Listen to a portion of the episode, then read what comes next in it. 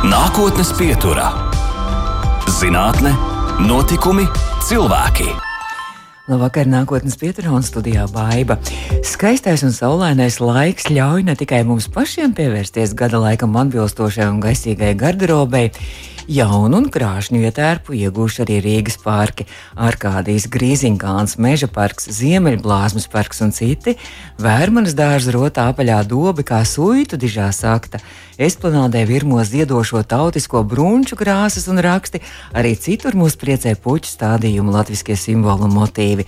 Iepazīt galvaspilsētas parkus varam nevien dodoties lēnā un nesteidzīgā pastaigā, bet arī iegriežoties Latvijas Nacionālajā bibliotēkā, kur pirmā stāva izstāžu zālē var aplūkot izstādi no Arkādijas līdz Marsam.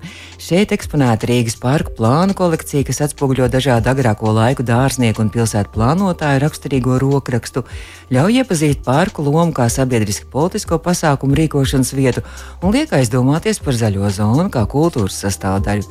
Nākotnes pieturā pastaigā Par Rīgas parkiem dosimies kopā ar vienu no izstādes veidotāju komandas vēsturnieku, Latvijas Nacionālās bibliotēkas vadošo pētnieku, Latvijas Universitātes vēstures un filozofijas fakultātes docentu, vēstures zinātņu doktoru Mārtiņu Mintauru. Mārtiņu, labvakar! Labs vakars! Mārtiņu, par to Rīgas uh, zaļo rotu runājot un par tām puķu dobēm, kas tagad ir uzplaukušas Rīgas parkos, jūs jau pats esat pastaigājis un kaut ko ap, ap, aplūkojis klātienē. Jā, cenšos pēc iespējas bieži tikt līdz parkiem un līdz puķu dobēm. Jāsaka, ka arī Latvijas Nacionālā biblioteka ir tāda vieta, kur mēs varam atrast ne tikai grāmatas un laikrakstus, bet uh, tagad arī parkus. Ah, ah, bibliotēkā pašā, bet tā biblioteka arī droši vien ir uzplaucis. Protams, veidojas, veidojas uh, zaļā zona, kas tur ir vienmēr bijusi, un necik tālu ir arī uzvaras parks. Uh, kur nesen ziedēja sakuras, tāpēc arī nu, biblioteka ir tuvu parkam, un, un arī tā tēma ir saistīta ar, ar bibliote bibliotekas atrašanās vietu. Jo līdz uh, Arkādijas parkam nav pārāk tālu. Mm -hmm. nu, tad pagājušajā mēnesī, apmēram ap vidu, atklājāt arī šo izstādi no Arkādijas līdz Marsam nu, līdz Marsam, ne jau līdz tam Marsam, kas debesīs, bet līdz Markam, Mars, kas ir viens no Rīgas parkiem bijis savu laiku. Ja? Jāsaka, gan, gan, jo tā ideja, par kuru uh, man izstāstīja izstādes uh, koncepcijas autora Anta Boloža, un kas ir redzama arī tagad pašā izstādē, uh, Ideja ir ļoti interesanta, tāpēc, ka nu, Arkādija ir tāda vieta, ne tikai pārdaugavā viens no skaistākajiem Rīgas parkiem, mm -hmm. bet ar pīlēm. ar pīlēm un ar ūdenskritumiem un ar, ar visu, ko viens sirds vēlas. Bet uh, pats tas Arkādijas nosaukums, protams, ir arī no seniem vēsturiskiem laikiem, un tā ir tāda ideāla, skaista vieta, kas varbūt pastāv tikai mums uh, iztēlē, bet uz kuru cilvēki tiecas un kur ik viens, kurš ir nokļuvis Arkādijā, jūtas ārkārtīgi laimīgs. Nu, tas ir, protams, attiecas uz cilvēkiem, kur nonāk līdz Arkādijas parkam un ierauga Māras dīķi, piemēram. Bet uh, tas tad Arkādija ir tāda ideālās laimes vieta, un savukārt Mars, jā, tas uh, varētu būt gan uh, bijušais Marsa velotreks uh, Rīgā, kurš nekļuva par parku. Kur bija cīņas arī par kokiem. Jā, un kas uh, faktiski sāka šo visu stāstu par uh, Rīgas apstādījumu un Rīgas koku augu audzēšanu, jo pēc tam mēs zinām, bija cīņa gan par gan ar tā saucamo kapu tramvaju, ko mēģināja izlaist cauri Rīgas lielajiem, parkiem, lielajiem kapiem, kas tagad arī ir parks nu, jau pusgadsimtu vairāk.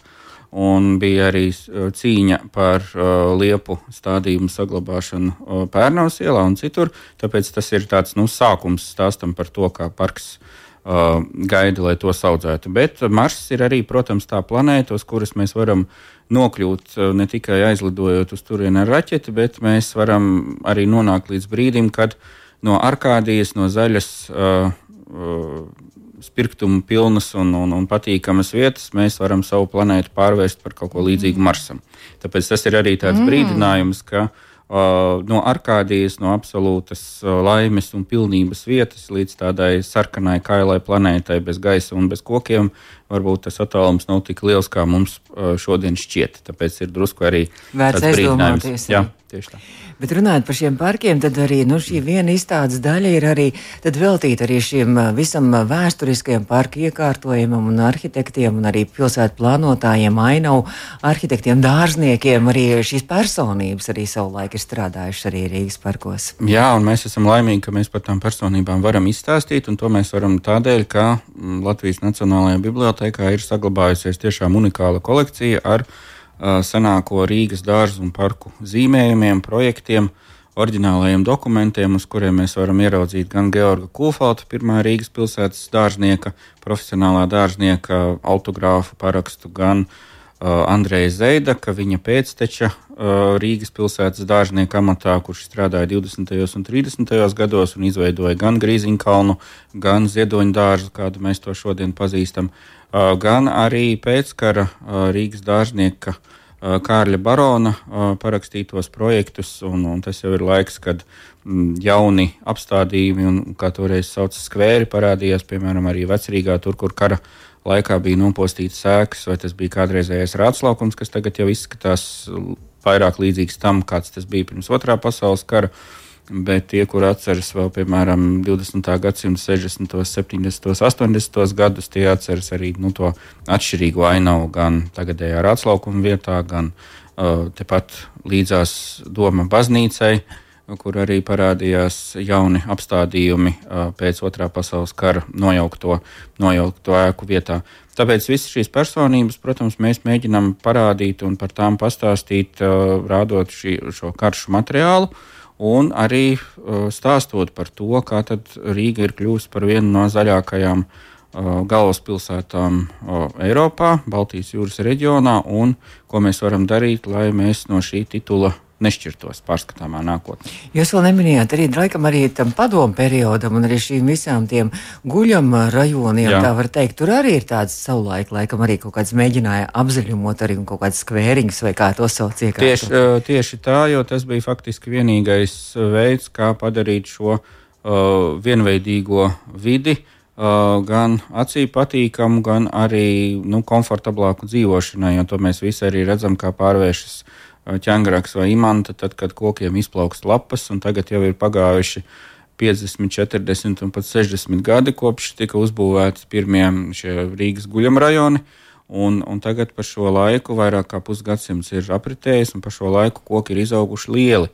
Un koki ir izauguši augstāki gan par 5 stāvu mājām, gan līdz pat 9 stāvu un 10 stāvu ēku jumtiem. Mm. Un tā ainava pārvēršas patiešām acu priekšā, tad, kad pavasarī tikko nesen ziedēja, piemēram, ceriņi, mm -hmm. balti vai violeti, vai tad, kad sāk ziedēt ievas, vai tad, kad zied kasteņi, tad, protams, atdzīvojas arī šī vienveidīgā un tāda robustā uh, padomu laika apbūves vide. Un tad tās kastītes, kas citādi cilvēkiem var būt uzdzen depresiju un liekas tādas uh, absolūti vienādas un nomācošas ar to savu vienādību, tad šīs kastītes arī pazūd visā tajā zaļajā telpā, zaļajā paklājā, kas, eh, kas ietver šo, šo apbūvi. Un tas bija labākais, ko varēja izdarīt tajos gados, kad šī apbūve parādījās. Un mēs jau varam paskatīties arī, piemēram, žurnālus no tiem pašiem 60. vai 70. gadiem, nu, kur tie kociņi vēl ir pavisam mazi un, un, un, un tie eh, puķu vai krūmu stādījumi izskatās, izskatās pavisam uh, niecīgi pret tām ēkām, kas ir riņķī apkārt. Tagad tā vide ir mainījusies, pateicoties tam, ka ir izauguši koki. Bet runājot arī par šo izstādi, tad ir ne tikai šī kultūra, vēsturiskā arī uh, sādaļa, bet arī tas, ka liek aizdomāties, ka Rīgas parkiem arī šī sociāla politiskā cīņas protesta arī loma savulaik ir bijusi. Jā, tieši tā. Nu, tas varbūt ir pārsteidzoši, tāpēc, ka nu, kas varētu būt mierīgāks un idiliskāks par, par uh, sēdēšanu uz soliņa parkā. Uh mhm. -huh. Un, Un, un, pīļu, pīļu vērošana, jā, vai, vai baložu vērošana, vai, vai skatīties, kā, kā mārupīti tek garām mm -hmm. čelodama, vai, vai kaut vai skatīties uz Rīgas pilsētas kanālu. Bet parki patiesībā ir bijuši tādi nu, protestu izraisītāji. Gan nesenā vēsturē par maršrutu treku mēs jau runājām. Uh, vēl tas spilgtākais, laikam, stāsts par protestiem, politiskajiem protestiem parkos atkal ir par Arkādijas parku un par uh, demonstrācijām pret metro. Uh, 80. gados, ar ko sākās visas lielās uh, atmodas laikmeta demonstrācijas, un, un, un tur varēja atcerēties arī grupas jumpraudu dziesmu Metro nav draugs, kas ir no tā paša perioda. To mēs nespēlēsim. To mēs nespēlēsim. Tā ir ļoti laba dziesma, bet tas ir atkal par, par kaut ko citu. Un, jā, un tā līdz pat, līdz pat mūsdienām parki ir vieta, kur var ne tikai sastapt laimīgus bērnus un bērnus, un, un, un, un mierīgus pensionārus, bet kur var sastapt arī uh, protestētājus. Mm, nu es, uh, Bērmans dārza arī pavisam nesen, laikam, arī bija šīs praida, arī visi nu, šie Jā, pasākumi, jo, visi. jo parks ir tāda vieta, kur, uh, kur cilvēki var sapulcēties, jo nu, uz ielas tu tā nesapulcēsies, tad ir jāizstiepjas vairāku kilometru garumā, nu, kā mēs redzējām pozitīvā variantā sagaidot bronzas medaļas ieguvējus Latvijas uh, hokeja valsts vienības izlases kad cilvēki pulcējās gan parkos, gan ielās. Nu, bet, nu, tur viss vis apkārtnes parka bija nu, aizpildīti. Jā, tieši jā. tā, ļoti, ļoti efektīgi skati no, no gaisa. Nākotnē filmēt. varēs to varbūt arī ietvert. Jā, ja, tad, kad mēs šo izstādi atjaunosim pēc 53 gadiem, tad, protams, protams, ka mēs ieliksim obligāti arī šo fotografiju, lai redzētu, kā, kā parki piedzīvoja kādas, kādu tautas staigāšanu, piemēram, tad, kad bija izveidota pirma, pirmā šīs izstādes versija. Un parki vienmēr, protams, ir bijuši arī tādi protesta katalizatori, tāpēc, ka tur var savākties daudz cilvēku, jau sanākt kopā. Uh, Dziesmu svētku parks ir Rīgā, kas ir, tagad, uh, nu, kas ir izveidots faktiski tajā vietā, kur bija pirmais publiskais Rīgas dārzs, tā saucamais pirmais ķēzardārs, vēl no 18. gadsimta, un, un tagad to pazīst arī kā viesturdārzu, kas ir 30. gadu nosaukums. Uh, un pazīst arī ar šo dziesmu svētku piemiņas vietu, kas ir izveidota vēl padomju laikā, tad, kad uh, tika atzīmēta Latviešu dziesmu svētku simtgade 73. gadā. Tur joprojām ir gan, gan baseins, gan milzīgais laukakmens, gan latviešu komponistu portreti. Bareliefos, un, un tāpēc to var redzēt, ka arī kā vienā parkā sakrājas dažādi kultūras slāņi. Ja? Tas mm -hmm. sākās ar, ar šo Krievijas impērijas stāstu un ar, ar tādu regulāru uh, klasicisma laikmeta dārzu, toreiz absolūtā Rīgas nomalē. Tagad mēs sakām, ka tas ir Rīgas centrs, viesturdārs, jo tur ir gan tramvaji, gan, gan, gan autobusi, gan pilsēta tam ir apaugusi riņķī apkārt, un tur pat blakus ir osta. Bet 18. gadsimtā tā bija absolūti nomalē, ārpilsēta, aiz pilsētas vaļņiem, vēl kaut kur tālu prom aiz citadeles lielā cietokšņa, nu, absolūti nomali. Tas ir tā kā tagad braukt, piemēram, kaut kur uz, nezinu, uz ķīšas ar otru krastu gandrīz, mm. jā, uz, uz jaunciem gadu vai kaut kur tā. Un, tāpēc vienā šādā parkā jau ir kopš, kopš 18. gadsimta izauguši vairāk kultūras slāņi. Jā, nu, Piemēram, mēs varētu pajautāt rīdziniekiem, vai viņi zina, kur atrodas saules dārsts, par kuru arī bija pirms dažiem gadiem tāda protestu viļņošanās, kad bija dažādas ieceres šo teritoriju privatizēt un sadalīt abūs gabalos un, un vēl kaut kā tādu. Kur saules dārsts atrodas pie pieminētā ķīša zera, tikai šajā pusē ķīša zeram netālu no zooloģiskā dārza. Mm. Zooloģiskais dārzs arī ir pēc sava nosaukuma dārzs. Mm -hmm. nu, mhm. būtībā mēs varam aiziet uz turieni, staigāt kā pa parku un uh, pie viena uh, aplūkot dažādus e, eksotiskus mm. zooloģiskā dārza iemītniekus. Bet tas ir vienlaikus arī parks, un tā ir daļa no šīs uh, milzīgās, nu jau jāsaka, vairāk kā 200 gadu uh, ilgā laika periodā veidotās uh, pilsētas parku uh, sistēmas. Un, ja, ja pilsētu salīdzina ar dzīvu būtni, ar organismu, tad uh, tur mēs redzam ne tikai kā būvē jaunas ielas un kā izaug jaunas ēkas vai rajoni, bet tur mēs redzam arī to, kā veidojas, nu, diemžēl arī dažkārt iznīkst un tiek mm. likvidēti, bet veidojas, aug un attīstās arī dārzi un parki. Un arī pērk arī, man liekas, nes savu kaut kādu zināmu simbolu, arī zināmu auru. Piemēram, mums tagad dziesmu svētki tuvojas, un tas meža parks, nu tas ir dziesmu svētki. Kaut gan arī savu laiku, paši pirmie dziesmu svētki arī esplanādē ir bijuši. Jā, nu tagad arī esplanāde ir parks, bet tad, kad tur sākās latviešu dziesmu svētku kustība, tad tas bija armijas parāžu laukums arī netālu no bijušā Rīgas pilsētas cietokšņa, no Vecrīgas, kas bija tāda nu, diezgan kaila, smilšaina vieta, un kur tieši tādēļ varēja ierīkot pagaidu estrādes katru, katros dziesmu svētkos no jauna. Un, un, un rīkot arī dziesmu svētku pasākumu. Tagad ir grūti iedomāties, mm. vai ne? Mēs Jā. esam pieraduši pie milzīgā mēroga, kāds ir meža parka estrādē, kur ir tūkstoši skatuves un tūkstoši uh, viņus nāk klausīties un, un dzirdēt. Uh, Un iedomājieties, ka to visu vajadzētu iespiest samērā nelielā teritorijā starp mm. brības, brības ielu un Valdemāra ielu kaut kur aiz mākslas muzeja. Kaut gan jāteic, ka radio varētu tā teikt, pat mēs Latvijas radio un visi kanāli tā simboliski varbūt atgriezīsimies arī tajā dziesmu svētku pirmsākuma vietā, jo šajā vasarā dziesmu svētku studija, mums stikla studija, Jā. visiem kanāliem tur sadalīts pa stundām, mums būs tieši esplanādē, tā kā mums tā, tāda īsti simboliska un vēsturiska vieta. Bet viena parka, es nezinu, vai apzināti jūs nepieminējāt, un, un šis parks nes kaut kādu tādu negatīvu auru, un droši vien arī tam parkam ir um, daudzi gadi būs vajadzīgi, lai šis parks atkal atdzīvotos un, un iegūtu citu arī to tēlu, vizuālo, un arī ne tikai vi vizuālais, varbūt ir cits iegūts, bet, Jā. bet arī to, to simbolu citu. Uh, tas ir uzvaras parks. Laikam nojaušu, par kuru parku ir runa. Jā. Uzvaras parks uh, ir tieši šajā izstādē no Arkādijas līdz, līdz Marsam. Arī mēs neesam tam pagājuši garām, jo tas ir viens ļoti spilgts piemērs tam, kā, kā politika ienāk parkā. Ienāk pilsētā, un kas no tā visa iznāk gala rezultātā. Ja? Mm. Un uh, uzvaras parks, uh, lai cik tas varbūt šodien cilvēkiem liktos ļoti padomisks nosaukums un saistīts tieši ar padomju okupācijas laiku, šis nosaukums patiesībā nāk no 1923. gada.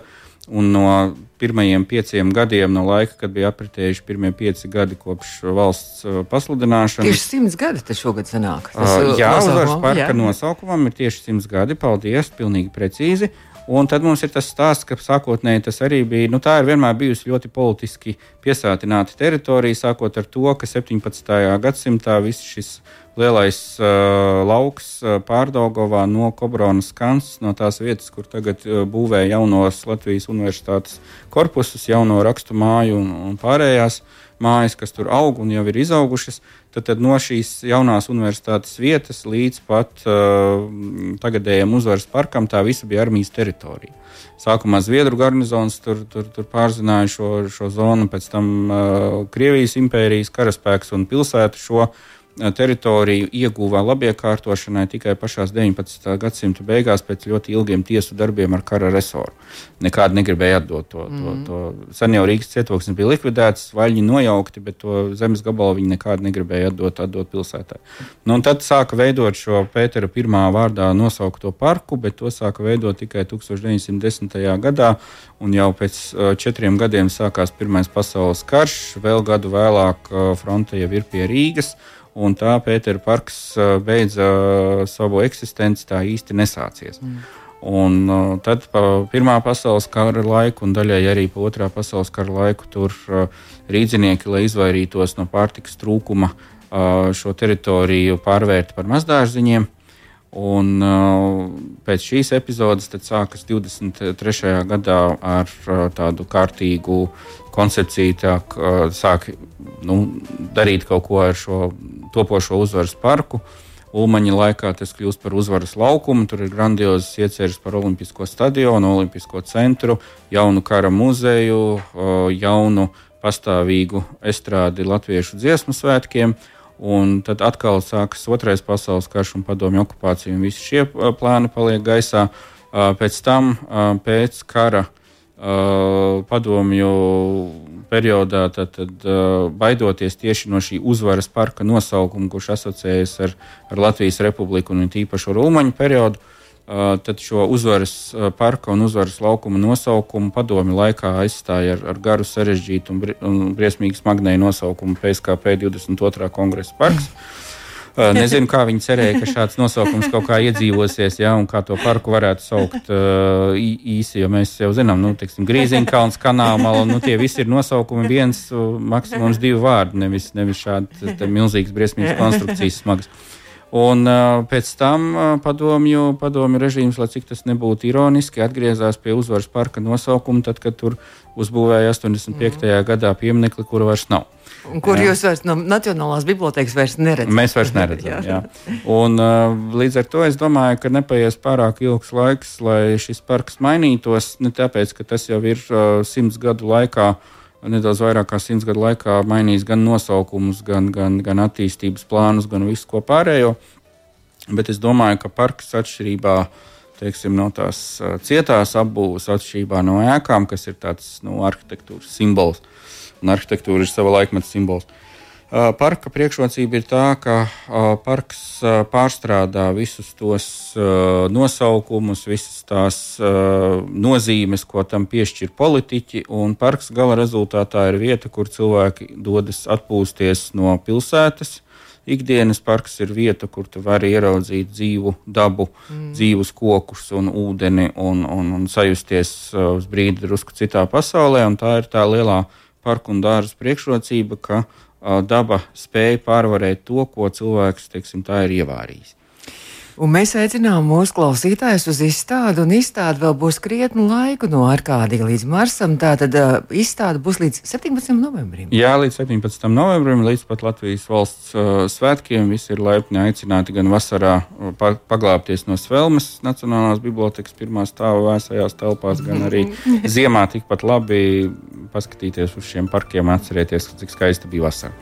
Bet mēs turpināsim pēc brīža mūsu sarunu. Latvijas Nacionālās bibliotekas vadošais pētnieks, Latvijas Universitātes vēstures un filozofijas fakultātes docents un vēstures zinātņu doktors Mārtiņš Mintāvs šobrīd mūsu studijā. Nākotnes pieturā. Turpinām nākotnes pieturšu redzējumu. Pēc tam varat noklausīties arī mūsu mājaslapā, audio sēta un arī podkāstu lielākajās arī internetu vietnēs. Un mēs turpinām sarunu ar Latvijas Nacionālās bibliotekas vadošo pētnieku, vēstures zinātni, doktoru Mārtiņu Mintāru.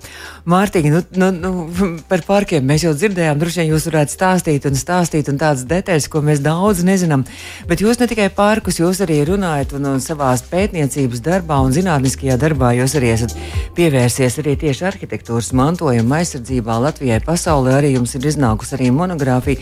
Kas vispār ir arhitektūras mantojums? Tas ir tās visas senās, piemēram, nu, jūgens stila, mēs zinām Rīgā, ar ko mēs lepojamies. Kas vēl ir arhitektūras vispār? Kas, kā definēt arhitektūras mantojumu? Arhitektūras mantojums ir visas celtnes, kas ir vecākas par 50 gadiem kopš radīšanas brīža. Tā ir likuma definīcija. Mm. Bet būtībā jau arhitektūras mantojums, nu, tāpat arī vēsture kopumā, tas ir ne tikai tas, ko mums māca skolās un kas guļ uh, bibliotekās, plauktā vai arhīvā un pamazām pārklājas ar putekļiem. Arhitektūras mantojums ir uh, tas, kas ir mums visapkārt. Jo, piemēram, Igaunijā uh, viņiem arī ir uh, tāds brīvdabas muzejs līdzīgs kā mūsējais, tikai tas tika izveidots jau pēc otrā pasaules kara, uh, netālu no Tallinas. Un pirms dažiem gadiem Igauni pārveda uz šo brīvdabas muzeju uh, vienu no 60. gados celtajām kolekcijas dzīvojamām ēkām. Mēs zinām, mums arī ir saglabājušās tādas balta, balto ķieģeļu divu, divu stāvu vai trīs stāvu ēkas. Nu, Vai tas Līvāna mājas? Līvāna mājas ir drusku jaunāks, tās jau bija individuāli domāts, bet nu, tās dzīvokļu ēkas, jā, kas, bija, jā. kas bija uz laukiem būvētas padomu laikā. Un, un tā kā pat šādas lietas, kas mums liekas absolūti nesaistītas ar ar kaut kādu ar arhitektūras vispār, skaistumu. Tā nav nekāda rundāls pils vai, vai mm -hmm. Pētera baznīca.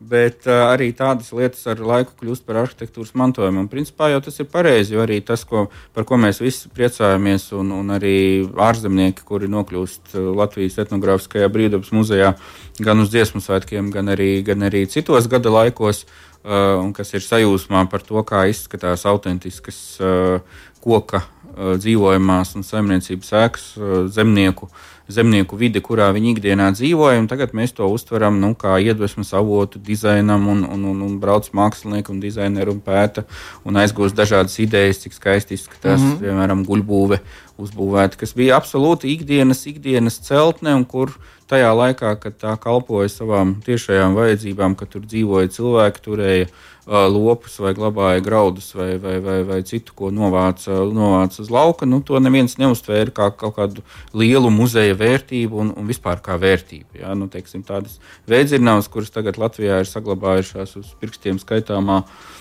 apjomā, un kuras mēs arī varam redzēt uh, Brīvdabas muzejā, cik dažādas un interesantas tās bija. Nu, tā arī bija tāda pavisam ikdienišķa celtne, nu, ne gluži tā kā mūsdienās benzīna tanks, bet kaut kas ļoti līdzīgs. Ja paskatās uh, zīmējumus no 18. un 19. gadsimta, tās veidzirnavas ir tāda nu, diezgan ierasta lauku un pat pilsētas ainavas sastāvdaļa, jo, piemēram, brocas zīmējumi par, par Pārdaugavu arī ir, nu, tie ir vistīrākie lauki, tur ir zemnieku sētas vai ciemi vai muižas, uh, nu, gal galā Rīgā apkārt ir daudz un dažādi ciemi. Ja, Ilģu ciems un, un, un, un, un, vēl visādi ciemi, kurus mēs varam iedomāties. Un, tāpēc, tāpēc tā ainava mainās cilvēkam pašam ikdienā nemanot. Bet tad, kad ir pagājis kaut kāds laiks, un kāpēc ir tie 50 gadi vajadzīgi, tad, kad ir pagājis piemēram pusgadsimts, tad mēs varam uh, pēkšņi pamanīt, ka lūk, šī vieta tagad izskatās pavisam citādi nekā izskatījās mūsu bērnībā vai, vai mūsu vecāku jaunības uh, laikā. Bet arī izpratne laikam par to, kas ir arhitektūras vai arī kultūras mantojums arī um, dažādi akcenti. Laikam mainoties, ir dažādi akcenti un dažādi šī izpratne arī. Protams, tieši tāpēc jau tas mantojums ir interesants, ka izpratne par to, kas ir vērtīgs laika gaitā. Uh, mainās. Uh, pieminējāt jūgenstilu, tas arī ir ļoti labs piemērs tam, ka vēl uh, 20. gadsimta sākumā, nu, tad, kad šīs jūgenstila ēkas būvēja, tad tā, tā, tā, tās piederēja nu, viss visbagātākajiem, vismodernākajiem Rīgas iedzīvotājiem, nekustamo, īpašnie, nekustamo īpašumu īpašniekiem. Nu, tas bija sabiedrības krējums, kas šajos jūgenstilu kvartālos dzīvoja. Nu, tagad arī. nu, tagad arī šos jūgenstilu kvartālus veidoja savai, savai gaumei un savām savām vajadzībām. Mm -hmm. ja, kā kādreiz bija dažādām gaumēm, dažādiem dvēseles noskaņojumiem, raidījums Latvijas radio. Ja. Nu. Un tāpat ar Jugendstilu, bet uh, Jugendstilu būvēja līdz Pirmajam pasaules karam, no nu, apmēram līdz 1910. gadam, kad tas bija modē.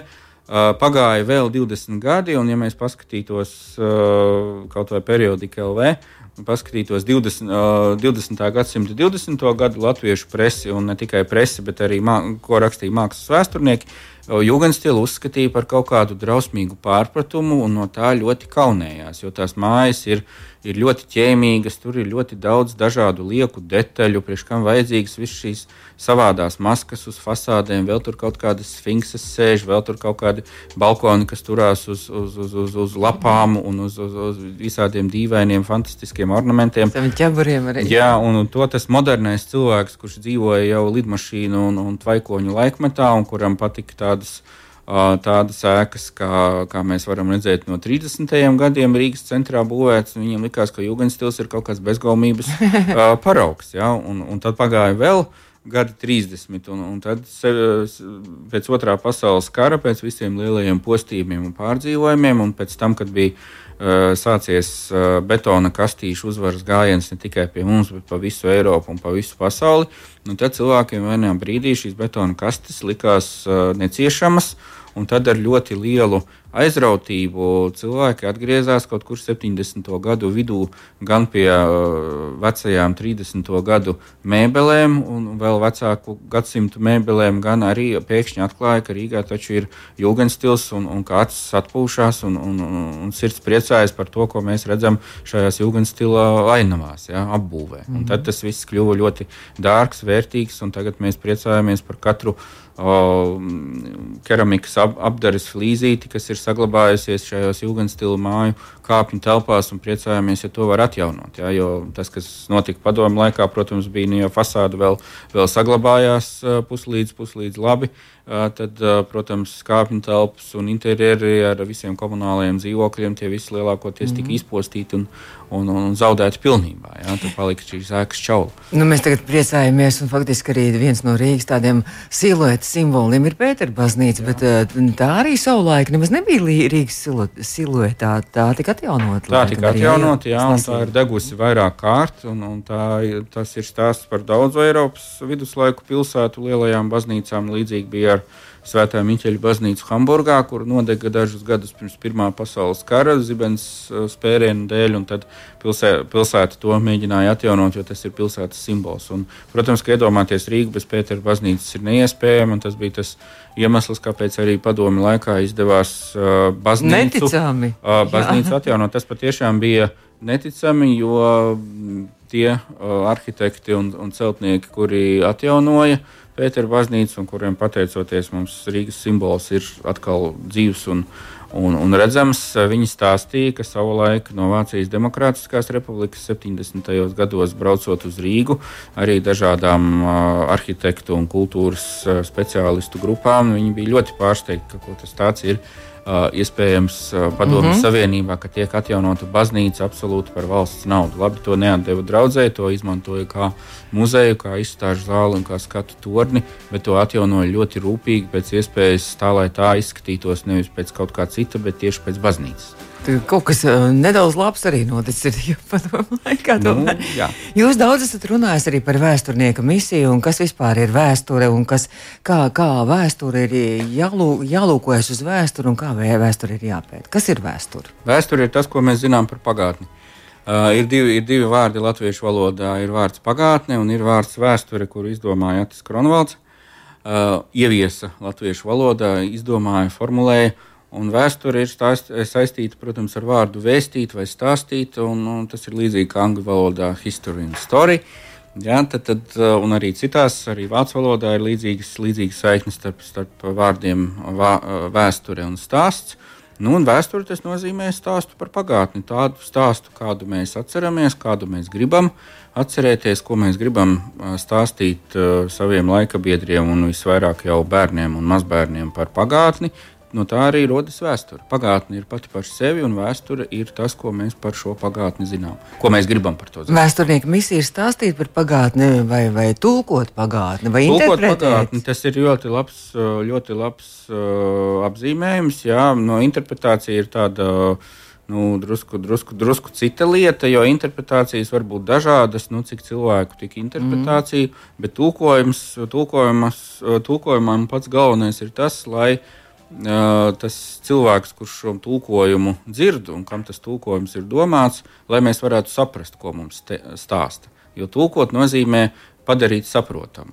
Mm -hmm. Un, tulko, vēstur, ja vēsturnieku uzdevums ir tulkot pagātni, liels paldies, Baiba. Tas ir ļoti precīzs un viens no skaistākajiem apzīmējumiem, ko es varu iedomāties un ko es esmu dzirdējis par to, kas ir vēsture. Vēsturnieku uzdevums tiešām ir tulkot pagātni, tas nozīmē padarīt to saprotamu. Jo mēs nedzīvojam vairs viduslaikos, mēs nedzīvojam tajos gadsimtos, kad būvēja Pētera baznīcu. Mēs redzam Pētera baznīcu, kāda tā ir.